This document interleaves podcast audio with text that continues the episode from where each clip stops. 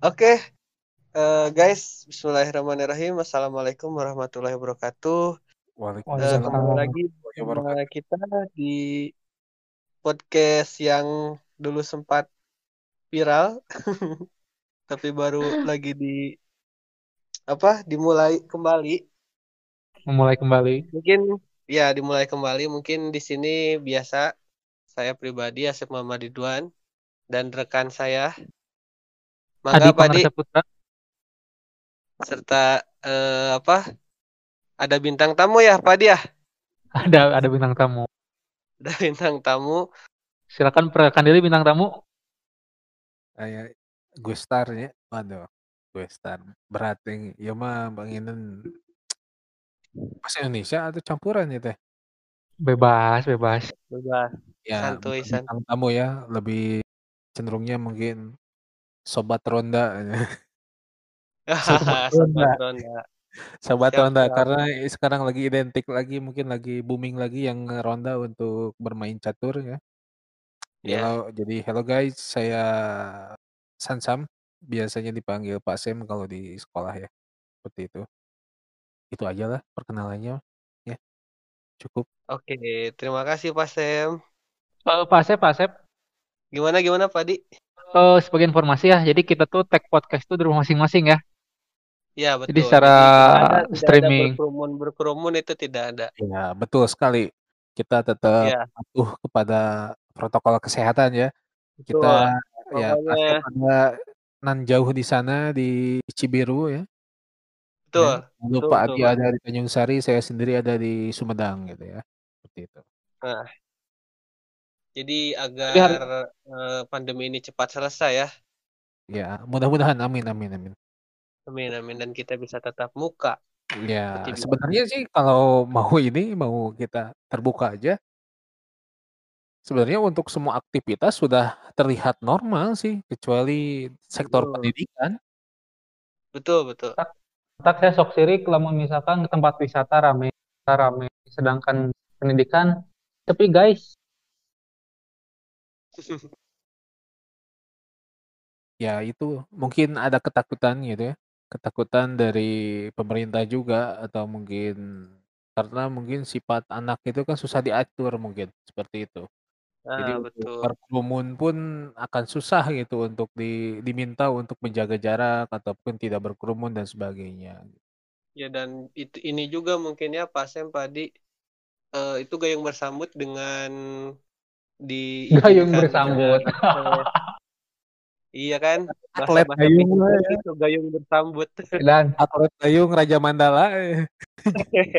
anu bentuknya lope itu jadi kan itu diikuti dengan apa diizinkannya eh, apa turnamen sepak bola Kemenpora. Itu kan kalau itu kenapa diizinkan? Mungkin karena ya karena atlet profesional yang gampang diatur dan lain sebagainya serta animo masyarakat juga yang memang haus akan eh, apa pertandingan sepak bola. bola dalam negeri mungkin seperti itu. Tapi kan Kalau untuk hmm, untuk ya, anak-anak kan mungkin pertimbangannya tadi.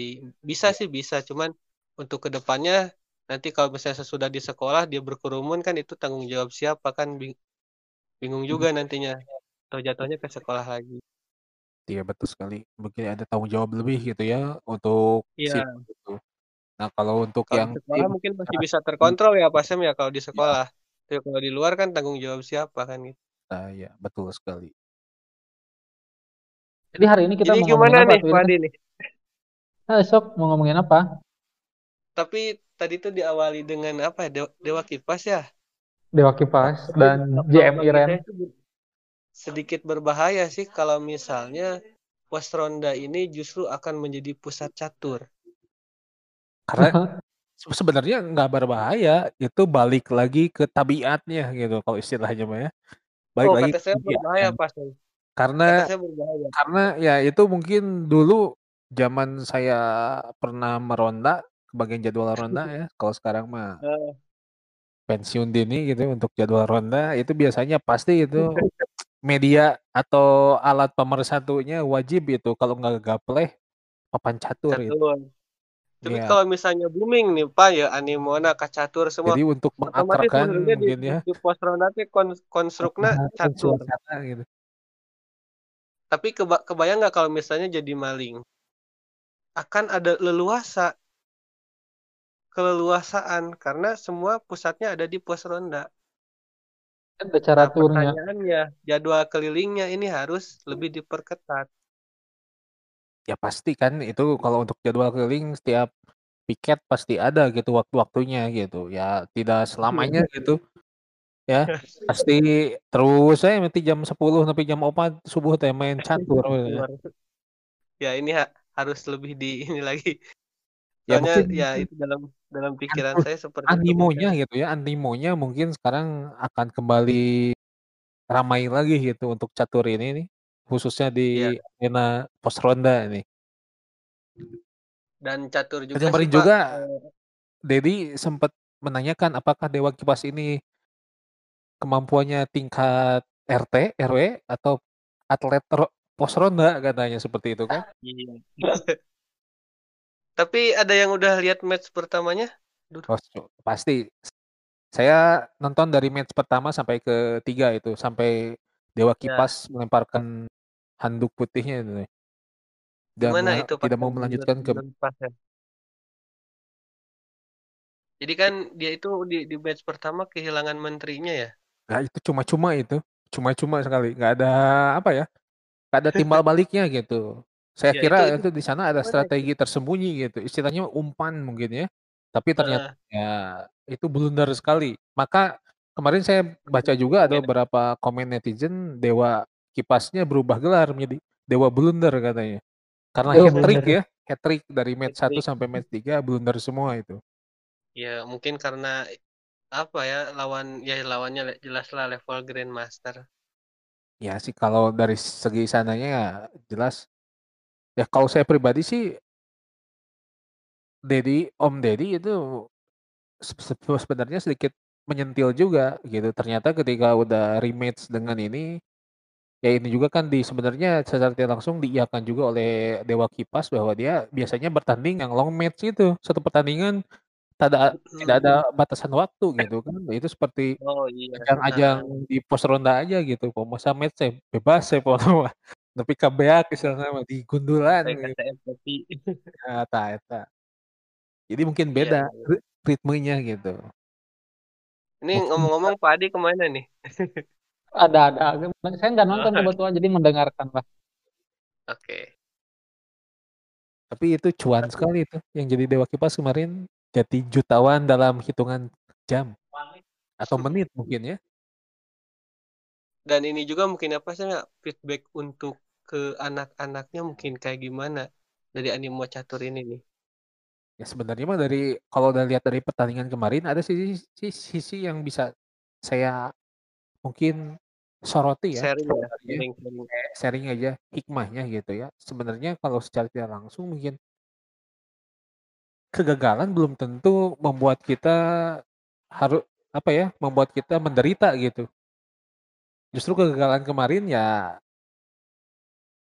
bisa Itu membuat ya memberi hikmah ya, pembelajaran Iya, plus cuan juga. Iya, betul. Jadi Ya. kalau udah dalam pertandingan itu itu kita diha- dihargai secara level dan kemampuan.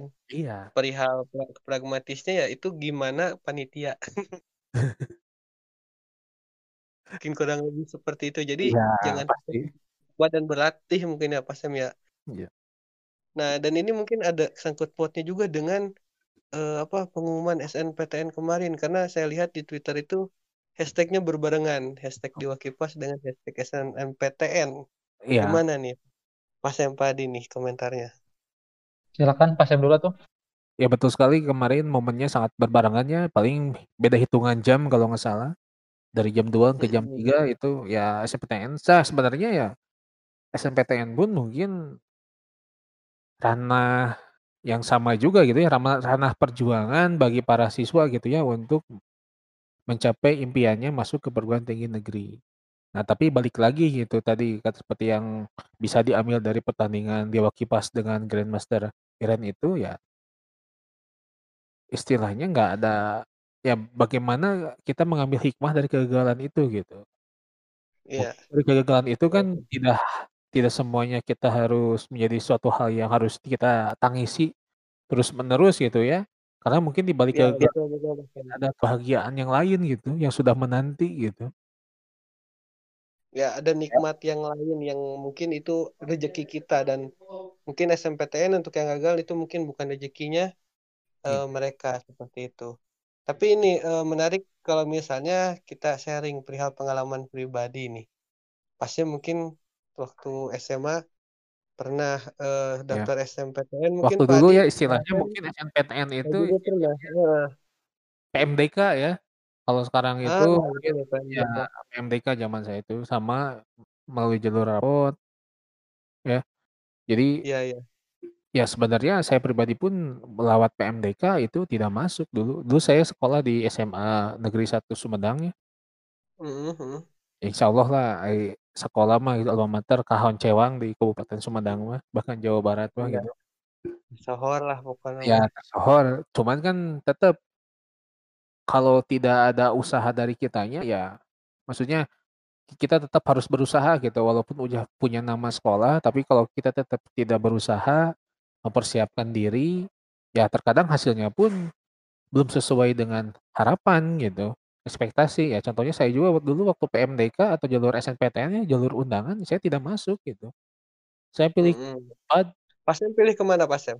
ke Unpad saya saya ingat itu ilmu komunikasi Ilkom sama hubungan internasional itu Oke, eh oke, oke. Ilkom Ilkom aja sih ya sama hubungan internasional kalau nggak salah ya ternyata tidak Tidak tidak tidak tidak berhasil masuk. gitu, tidak masuk belum ya saya Ya. lanjutkan perjuangan saya ke kalau sekarang SBMPTN ya kalau dulu SPMB seleksi perguruan eh, SPMB seleksi SBMPTN.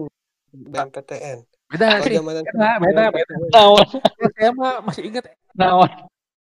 SPMB lah pemah seleksi Penerimaan mahasiswa Penerimaan baru. mahasiswa ya baru. seleksi penerimaan mahasiswa baru gitu saya ambilnya saya coba ya saya meng- mungkin menurunkan ego waktu itu ya waktu ke pas SBMPTN karena lihat dari trade SNPTN tidak masuk gitu jadi menurunkan Iya. ego daftarnya ke UPI semua semuanya tiga jurusannya ke UPI mulai dari Mhm. pendidikan matematika bahasa Inggris sama bahasa Indonesia pilihan ketiga itu Iya, iya, iya. ya Dan gol alhamdulillah ya gol dan dan gol di pilihan ketiga bahasa Indonesia gitu. Oke, perasaan ya. Pak Sem waktu dinyatakan tidak lulus bagaimana? ya awa- awalnya pasti kecewa gitu. Tapi kalau dari Nangis, segi dari segi psikologis lelaki ya lelaki gitu kecewaannya mungkin hanya sesaat karena ya balik Eh, lagi karena berpikir logis itu kan ya nalarnya oh, masih ada satu atau bahkan dua. Dulu ya setelah saya ikut SBMPTN gitu saya ikut juga ujian masuk stan gitu. Jadi Oke, oke. oh, jadi saya tetap wah masih ada dua dua pilihan ya alternatif yang sudah saya yang bisa saya ikuti gitu. Jadi kenapa harus terus bersedih hati gitu. Tapi Ya, mungkin betul, kalau secara psikologis itu untuk yang perempuan beda lagi. Biasanya ada dulu juga teman saya tetangga lah malahan mah ya dia tidak masuk ke Mhm. matematika Unpad gitu yaitu pada waktu pengumuman pagi kalau dulu pengumuman itu via koran ya belum online seperti ini Ya, betul Pak Jadi bener. Tiap ketika si koran itu iya diupdate dina BBM. iya saya belum ada BBM eh. kalau saya mah saya yang tah wah di gampang we di koran. ya seperti itu biasanya jadi ketika pagi-pagi habis sholat subuh langsung ke tukang lokar koran ya tetangga saya dengan saya yang yang belinya ketika lihat em, dia mencari namanya tidak ada bolak-balik itu berapa puluh balikan mungkin karena Iya, kan iya, iya. satu halaman gitu ya eh maksudnya satu beberapa halaman di surat kabar kan dibuat tepuk eh, pengumuman gitu ya pada Mhm. akhirnya dia istilahnya sempat ko- kokos sedan gitu di depan rumahnya itu karena menangis karena tidak Oh. keterima gitu kalau untuk perempuan sih memang biasanya emosional ya keperasaan dulu Mhm. merasa gagal dan sebagainya. Bahkan mungkin ah ya udahlah masuk ke swasta aja gitu setelah SNMPTN tuh. Padahal kan Iya, iya, iya. Padahal Ya. masih banyak ya cara-cara dan gitu, masih eh, banyak apa, step-step lainnya yang bisa ya ditempuh. gitu. seperti itu. Kalau Pak Adi gimana Oke. Pak? Adi gimana Pak Adi? Oh, beres vaksin tunduh, guys. Hah? Ah, iya mah. Efek efek efek Gimana, gimana, gimana? Kuma, kuma, kuma. Jadi aduh. Jadi eh tadi ada sharing perihal perasaan SMPTN atau misalnya tes seleksi lah menuju eh, perguruan tinggi seperti itu. Jadi Ya. sharing biar yang lain pun tahu seperti apa perasaannya dan Kalau tipsnya misalnya bagaimana gitu. Eh, eh, jangan tes suara kah deh. Jadi gini, eh, waktu dulu SNMPTN tuh kebetulan tahun 2013. Mm-mm. Eh, eh, kebetulan kan sekolah juga di Adika nih, Iya. angkatan pertama. Jadi kita eh, belum ada apa ya, belum punya kakak tingkat yang masuk PTN itu. Oh, belum Jadi untuk masuk ininya ya. SNMPTN tuh eh, ya jadi semua siswa tuh emang nggak ada yang lolos SNMPTN. Udahlah, jadi kita juga ekspektasinya nggak terlalu tinggi ya untuk SNMPTN. Kita coba di SBMPTN. Dulu mah kan kalau Hmm. SBMPTN tuh eh, ya biasalah kayak sekarang juga bayar ke bank, harus seleksi di Bandung, di sekolah di SMA. SMA di Bandung. Eh, jadi kita berangkat ke sana. Eh, saya tuh milih jurusan kalau nggak salah ya kalau eh, administrasi bisnis sama kesejahteraan sosial Unpad. Jadi Iya. SNMPTN pilih itu, SBM juga pilih itu. Saya coba seleksi eh, yang SNMPTN nggak lolos, terus yang SBMPTN juga nggak lolos. Hmm. Karena mungkin eh, emang emang dari awalnya juga ekspektasi kita gitu ya, sisi sesuatu emang nggak dibikin tinggi, jadi kita memang mempersiapkan diri untuk ke swasta. Kan emang dari awalnya kata guru BK emang agak susah karena kalian kan angkatan pertama itu segala macam itu agak susah juga. Alhamdulillah gitu Hmm. kalau untuk kalau untuk swasta PMDK lolos semua ke Unjani Oh. masuk terus ke mana STTB Sekolah Tinggi Teknologi Bandung masuk terus ke daftar tuh ke mana lagi ya kalau nggak salah Unpad, Widya Tama. Ah kalau Unpas itu teh Unpas teh PMDK juga nah tapi yang diambil yang Unpasnya Iya. jurusannya sama administrasi bisnis pajajaran swasta lah Universitas Pajajaran Swasta nah, gitu Tapi tapi Unpas Hah? eh, secara Unpad swastanya ya. Unpad Berarti jadi U- Unpad oke oke. Berarti UIN Universitas Indonesia Negeri ya tuh. Jadi Unpad Universitas Pajajaran Swasta. dan swasta Nah, gitu mana oh, negeri. Bukan Unpad Hmm. N kan. bukan kan cabang ya franchise lah franchise Unpad Franchise. Filial, filial, filial. filial Heeh. SMP 4 biasanya filial mah ya. filial Perasaan Pak Adi ketika tidak dinyatakan tidak lolos. Eh, dinyatakan tidak lolos sebetulnya pada saat itu ya eh, biasa aja Pak Sep Biasa aja.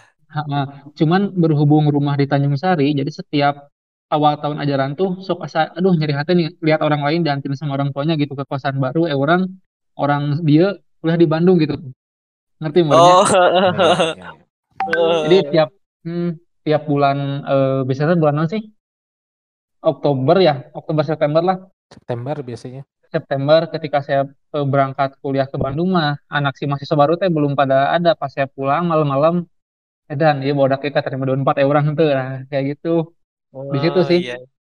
jadi kalau kalau pada saat ditolaknya mah biasa aja gitu. Soalnya eh, kalau saya gitu kebetulan kan main bola juga nih. Sedikit cerita aja ah, main bola juga.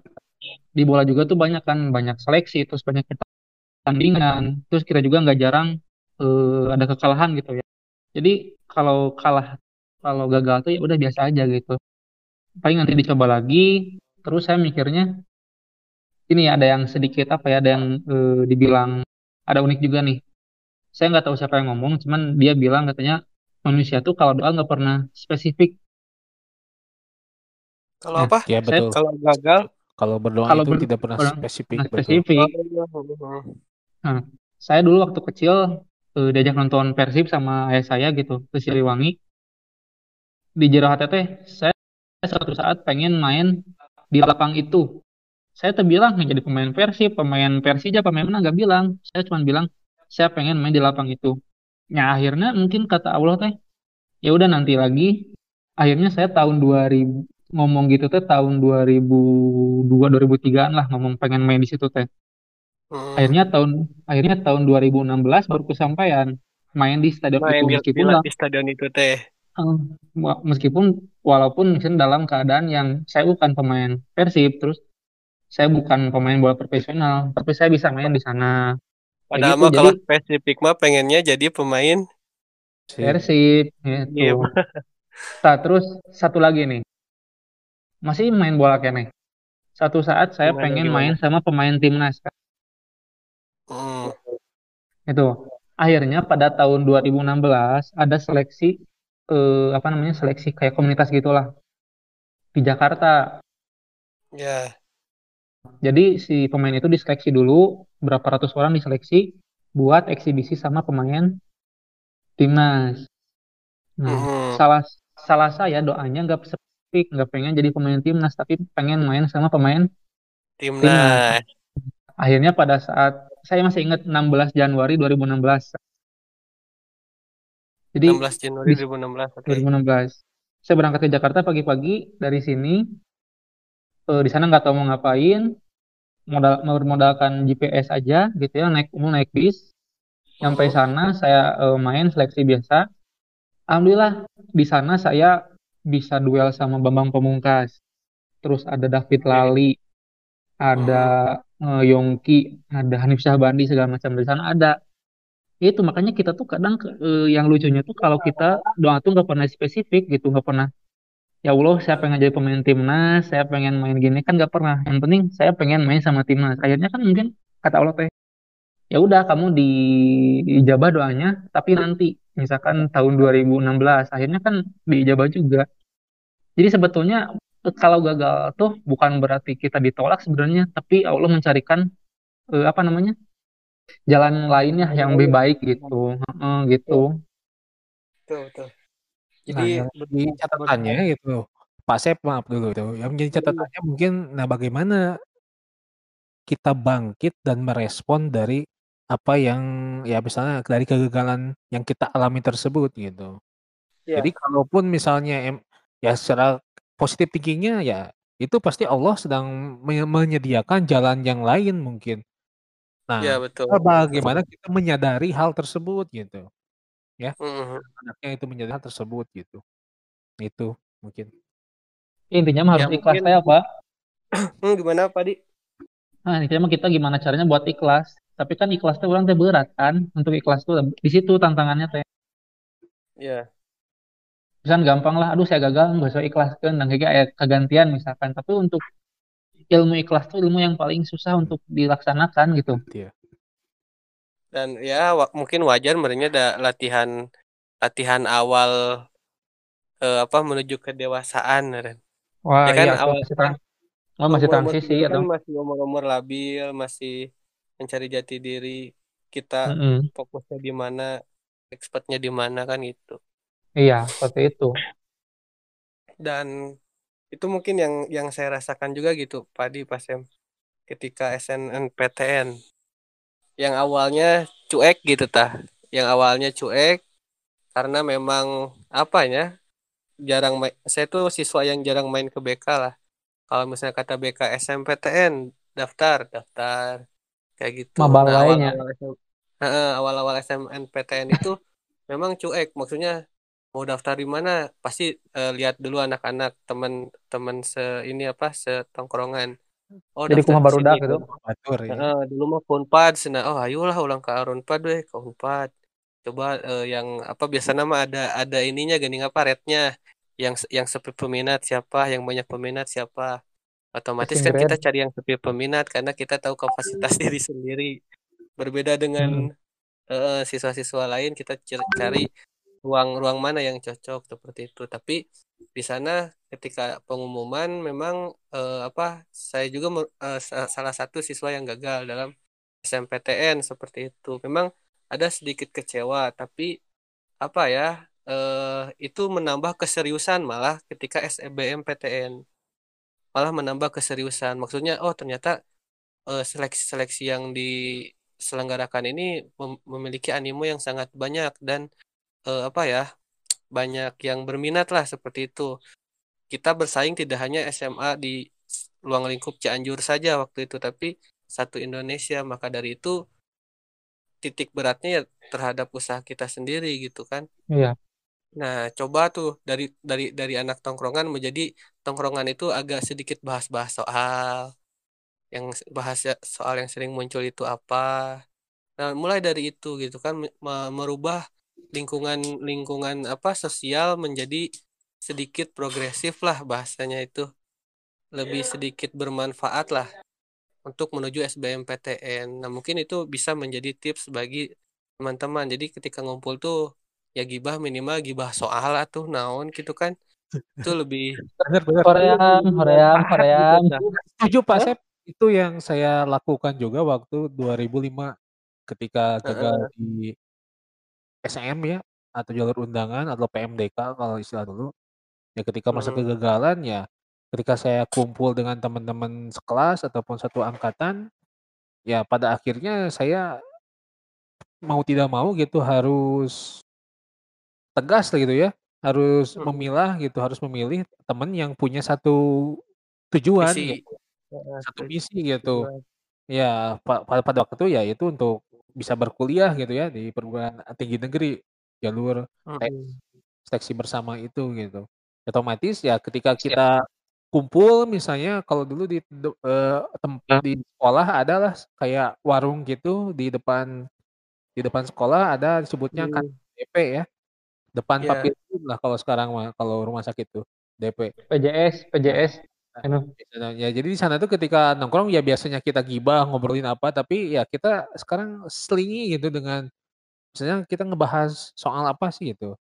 Seperti nah, itu. betul, yang SPM jadi betul faktor lingkungannya selain hmm. psikologi si anak gitu yang terlalu berharap kepada SNPTN jadi faktor hmm. lingkungan itu bisa menumbuhkan optimisme dan semangat yang lain gitu untuk bahwa ya, kita, kita menyadari bahwa ada jalan yang lain gitu selain ya. SNPTN atau jalur undangan itu gitu ada SBM seperti itu malah justru betul bisa memicu semangat sebenarnya kalau yang emang dari awalnya udah serius gitu untuk punya keinginan kuat untuk berkuliah di PTN gitu. Ya betul Pak Sam. Dan ini juga sih mungkin harus ditanamkan juga realitas-realitas kampus itu kayak gimana. Kesalahan saya waktu SBM dan SMPTN itu karena kurang berlatih eh, soal-soal dengan level yang memang ditawarkan oleh eh, kampusnya itu sendiri. Hmm. Nah, itu tuh kesalahan saya. Jadi hanya kan kalau SBM nasional, yeah. semua soal yang diberikan oleh sekolah itu sama. Tapi ada soal level soal yang memang itu diberikan oleh kampus. Nah, itu strategi saya masuk UIN seperti itu. Jadi tahun eh, soal-soal tahun sebelumnya saya kaji dan ketika saya ujian mandiri itu ada pas Sem. Soal itu ada. ya pasti ada. Sebenarnya dalam kalau saya pelajari gitu ya dari mulai dari su kalau dulu zaman ujian nasional ya kayak SMP ataupun SMA, terus mungkin hmm. sekarang saya lihat untuk yang SBMPTN itu pola dari jenis soalnya sama sebenarnya dalam rang dalam kurun tiga tahun itu. Jadi yeah. biasanya lewat tiga tahun itu akan sedikit dirubah, dimodifikasi lagi. Mungkin dengan betul, jenis betul, yang lain gitu. Tapi biasanya tiga tahun terakhir itu, itu akan sama jenisnya Betul, gitu. betul. Saya, uh, saya juga kan ini apa sih ya ngisi di pendalaman pun ya, ya itu. Yang nah, gimana sekarang itu ya usahanya harus dilipat gandakan. Istilahnya mah duit lah, doa, usaha, ikhtiar, ya usaha, ikhtiar, saya tak Terus tawakal gitu. Ya emang yang paling akhirnya yang akan susah gitu. Karena terkadang kan ada anak juga yang ya saya doa sudah, usaha sudah gitu ya. Berlipat-lipat mungkin sampai apalah mungkinnya tugas sampai nggak nggak begadang dan sebagainya tapi kan balik lagi gitu tadi mungkin faktor doa juga spiritnya gitu ke tidak spesifikan mendoa bisa saja gitu Allah justru akan memberikan yang lain gitu menggambarkan yang lain seperti kata Pak Adi tadi gitu seperti itu Oke, siap. Makasih Pak Sam. Tipsnya tadi apa? Duit. Doa, usaha, ikhtiar, dan tawakal. Gitu ya Pak Sam ya? Oh, Cek, cek. ada ada. Pak Sam, Pak Sam. Pak Sam Pak jadi hilang. Pak Sam terputus, terputus. Oh, Oke, oke. Ya, intinya gitu ya Pak Adi ya. Dan Pak Sam yang sedang menyambungkan ke Bali mungkin berhubung kita ngobrol santai jadi tidak terasa ya Pak Adi ya. Iya, betul. Ya, Udah tidak berapa? terasa. Setengah Udah. jaman lah. Ya, sudah setengah jam kita bersama eh, apa? Bersama kalian untuk menemani waktu luangnya dan untuk apa ya mungkin sekadar memotivasi ataupun ya bisa mengambil hikmah lah atau ilmu dari apa yang kita bicarakan. Tapi eh, kita coba sekarang. sambungkan dulu Pak Sam ya. Pak Sam, ada nggak suaranya? Halo ada ada Nah, Ada, ada. ada ada lagi, ada lagi. Bergabung lagi. Ada. Nah, memang kesalahan teknis ini karena kita berjauhan sulit gitu Mm-mm. kan. Pro- iya, Biasa. beda provider Tadi itu gimana Pak Sam? Ada ada ada tips yang ini nih apa? Simpel, duit ya tadi itu ya. ya duit, Doa, duit Usaha, doa usaha ikhtiar dan tawakal tawakal. Itu bisa menjadi tips ya tadi. ah, ah, ya itu terus satu lagi yang mungkin saya baru terilhami dari beberapa ya mungkin curhatan beberapa siswa gitu ya karena ketidak belum berhasilnya mereka menembus perguruan tinggi negeri gitu melalui SNPTN ya jadi sebenarnya tidak ada rumus pasti untuk keberhasilan jadi artinya ya kita hidup pasti tidak akan selalu berhasil Mm-mm. Di suatu titik pasti kita akan menemukan sebuah kegagalan gitu nah nah sekarang ya sekarang sekarang itu ya permasalahannya ya bagaimana kita merespon kegagalan tersebut gitu Betul, betul. Kita bangkit dan belajar dari kegagalan tersebut dan us ya ini yang paling susu yang paling sulit. Diusahakan selalu berpikir positif. Nah itu kalau berpikir positif kan ya maksudnya mungkin arahnya ke tawakal tadi gitu kalau di Mm. situ ya, atau Iya. ikhlas tadi. Emang sulit sih itu, sangat sulit tetapi ya itulah perjalanan gitu. Jadi nggak ada Ya. rumus setiap apa yang kita lakukan akan berhasil gitu. Betul, betul, betul. Ya saya Ya juga mungkin punya punya pengalaman juga ini, punya testimoni lah dari alumni tahun 2019 gitu. gimana tuh Pak? Seorang laki-laki dia tahun pertama SM tidak masuk, SBM tidak masuk, bahkan SMUP juga ujian mandiri tidak masuk 2019. Mungkin nggak masuk. Ke Unpad juga karena mayoritas di daerah sini pasti Hmm. favoritnya ke Unpad. Unpad. Mm-mm. Tapi karena dia udah punya tekad, kemauan, Mm. ya tekad, kemauan kuat, Ya, ya dia tidak tidak mundur tapi dalam tapi ya dia terus mempersiapkan diri untuk tahun berikutnya, istilahnya gap year ya. Dia mulai belajar ya mungkin di komunitas komunitas mahasiswa gitu yang yang yang sudah keterima di jurusan yang dia dia mau gitu. inginkan. Nah, Ya, terus dia mencari tips-tips atau mungkin rekomendasi soal-soal gitu yang akan nah, yang, iya. yang sudah mereka lakukan dan bi- mereka jawab dan berhasil dengan mendapatkan nilai yang sangat tinggi. Ya, ternyata Mhm. usahanya itu, usaha dan ikhtiarnya itu yang dibarengi doa yang spesifik ya tadi ya, kata Pak Ade. Mhm. Ya pada akhirnya di tahun berikutnya 2020 tahun kemarin dia masuk di perguruan tinggi negeri dengan jurusan yang dia inginkan di Unpad sastra Inggris itu lewat Oke, oke. BMPTN itu ya jadi Ya, kalau ya. balik lagi gitu nah itu respon dia jadi ya kalau kamu akan mengikuti ya kalau kamu pasrah gitu ya tawakal dengan kegagalan kamu ya itu jelas akan hancur. Tapi kalau kamu Hmm. merespon ketawakalan, kegagalan kamu dengan kemauan dan tekad yang lebih kuat, respon yang positif tadi, insya Allah mungkin Allah sudah menye menyediakan jalannya tahun depan, tahun berikutnya, Iya. atau bahkan mungkin di SBMPTN. Iya, Atau betul. mungkin di ujian mandiri atau mungkin di universitas yang lainnya mungkin, Ya, bahkan kalau di PTKIN ada lagi, ada SMPTKIN, ada Ah, kayak iya SBM itu ada itu kan ber ber berbeda dan bisa diikuti sebetulnya. Iya. Jadi Heeh. istilahnya kalau kata pepatah, banyak banyak jalan menuju Roma lah. Jadi Iya, sebenarnya yang ya Eh, banyak Roma Malkis. ya, ya, ya?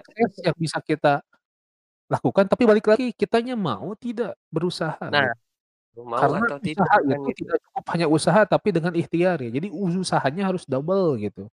Iya, mhm. Seperti itu. Siap, Pak Sam. Terima kasih nih atas tips, sharing, dan, eee, apa, pengalamannya ya tadi ya.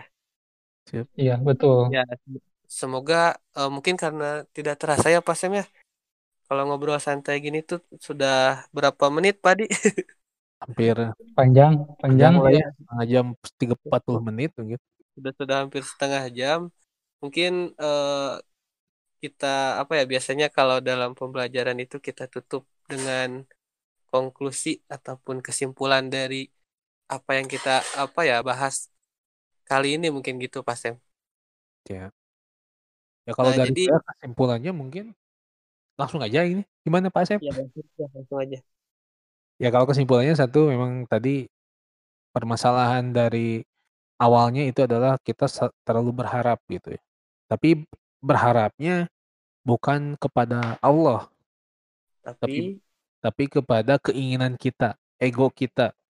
Mhm. Ya, makanya ketika mungkin dalam saat berdoa, doanya pun tidak spesifik dengan dengan apa yang benar kita butuhkan gitu. Ya, nah itu iya. yang harus menjadi perhatian pertama dari segi psikologisnya gitu ya, eh dari segi spiritualnya. Nah lalu dari yang lainnya, ya seperti yang tadi saya bilang tadi, gitu ya, sebenarnya tidak ada rumus keberhasilan, jadi tidak ada rumus hidup selalu berhasil gitu. Pasti suatu saat kita akan menemukan sebuah kegagalan. Ya. Nah, tinggal iya. bagaimana kita merespon kegagalan tersebut dengan positif. Nah itu saja. Jadi, ya kalau kamu mau benar yang yang ketiga, harus punya tekad dan kemauan keras, bulat. Kalau orang yang punya kemauan, tekad yang bulat, ya ketika menghadapi sebuah kerikil, entah kerikil pertama, ya dia akan terus maju gitu. Dengan fokus, mungkin dengan mencari jalan yang lain dan sebagainya, seperti itu. Mantap mantap. Itu closing statement dari Pak Syam mungkin.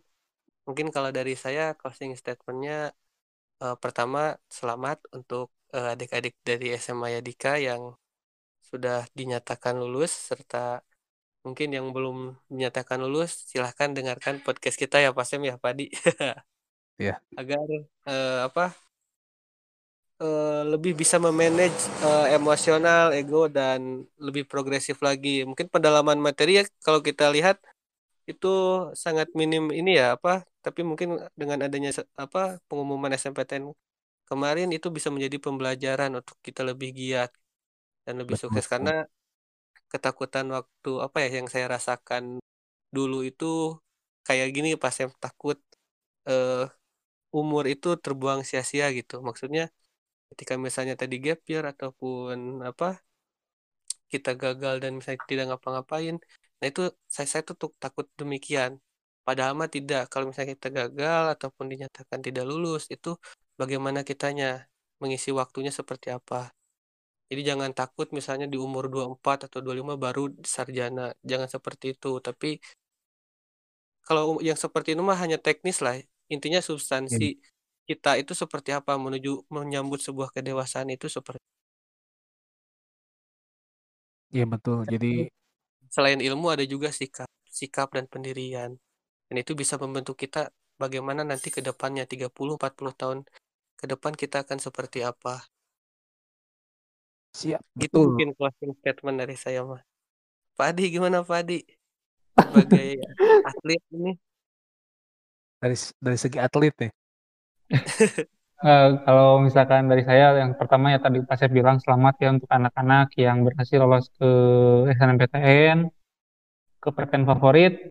Eh, ya semoga harapan kita ya Pak Sam untuk yang lolos bisa diambil ya, biar nanti sekolah Ya, kita betul, tidak betul itu Hmm, itu ya, biar nggak kena blacklist lah gitu. Silakan diambil itu kesempatan buat kalian. Banyak orang Dan atau banyak dan siswa. adik-adik kalian juga dan Nah, adik-adik itu. bawahnya juga. Iya, karena banyak banyak saingan kalian yang pengen masuk ke sana, sedangkan kalian sudah menginjakan kaki, kasarnya satu kali kalian sudah ada di sana, silakan kalian eh, manfaatkan kesempatan semaksimal mungkin. Terus untuk yang teman-teman yang masih belum bisa masuk ke PTN melalui jalur SNMPTN, masih banyak jalur-jalur yang lain, ada SBMPTN, terus ada mungkin ada kebijakan seksi mandiri dari masing-masing universitas. Silakan dimaksimalkan untuk yang SBMPTN atau UTBK sekarang teh? SBMPTN atau, atau UTBK?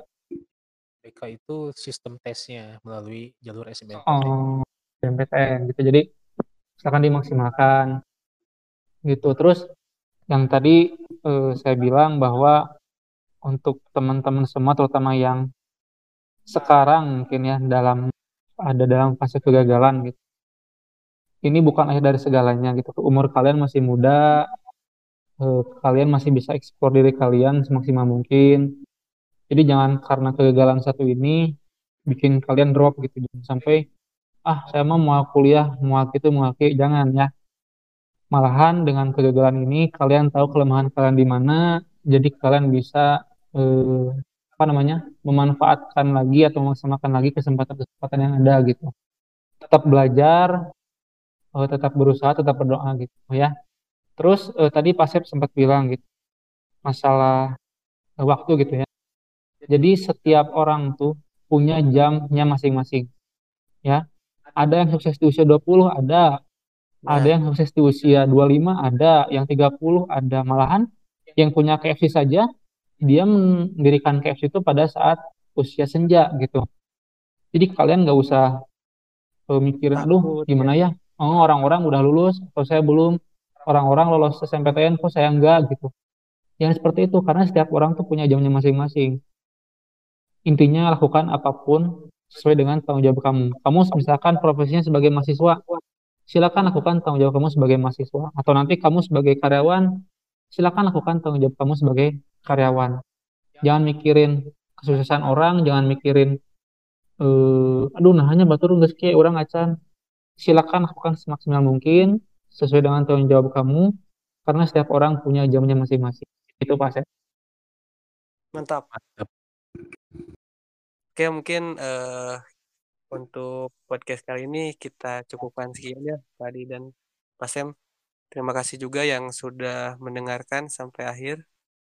Dan kita bertemu itu di jangan lupa jangan lupa untuk follow semua sosial media kita.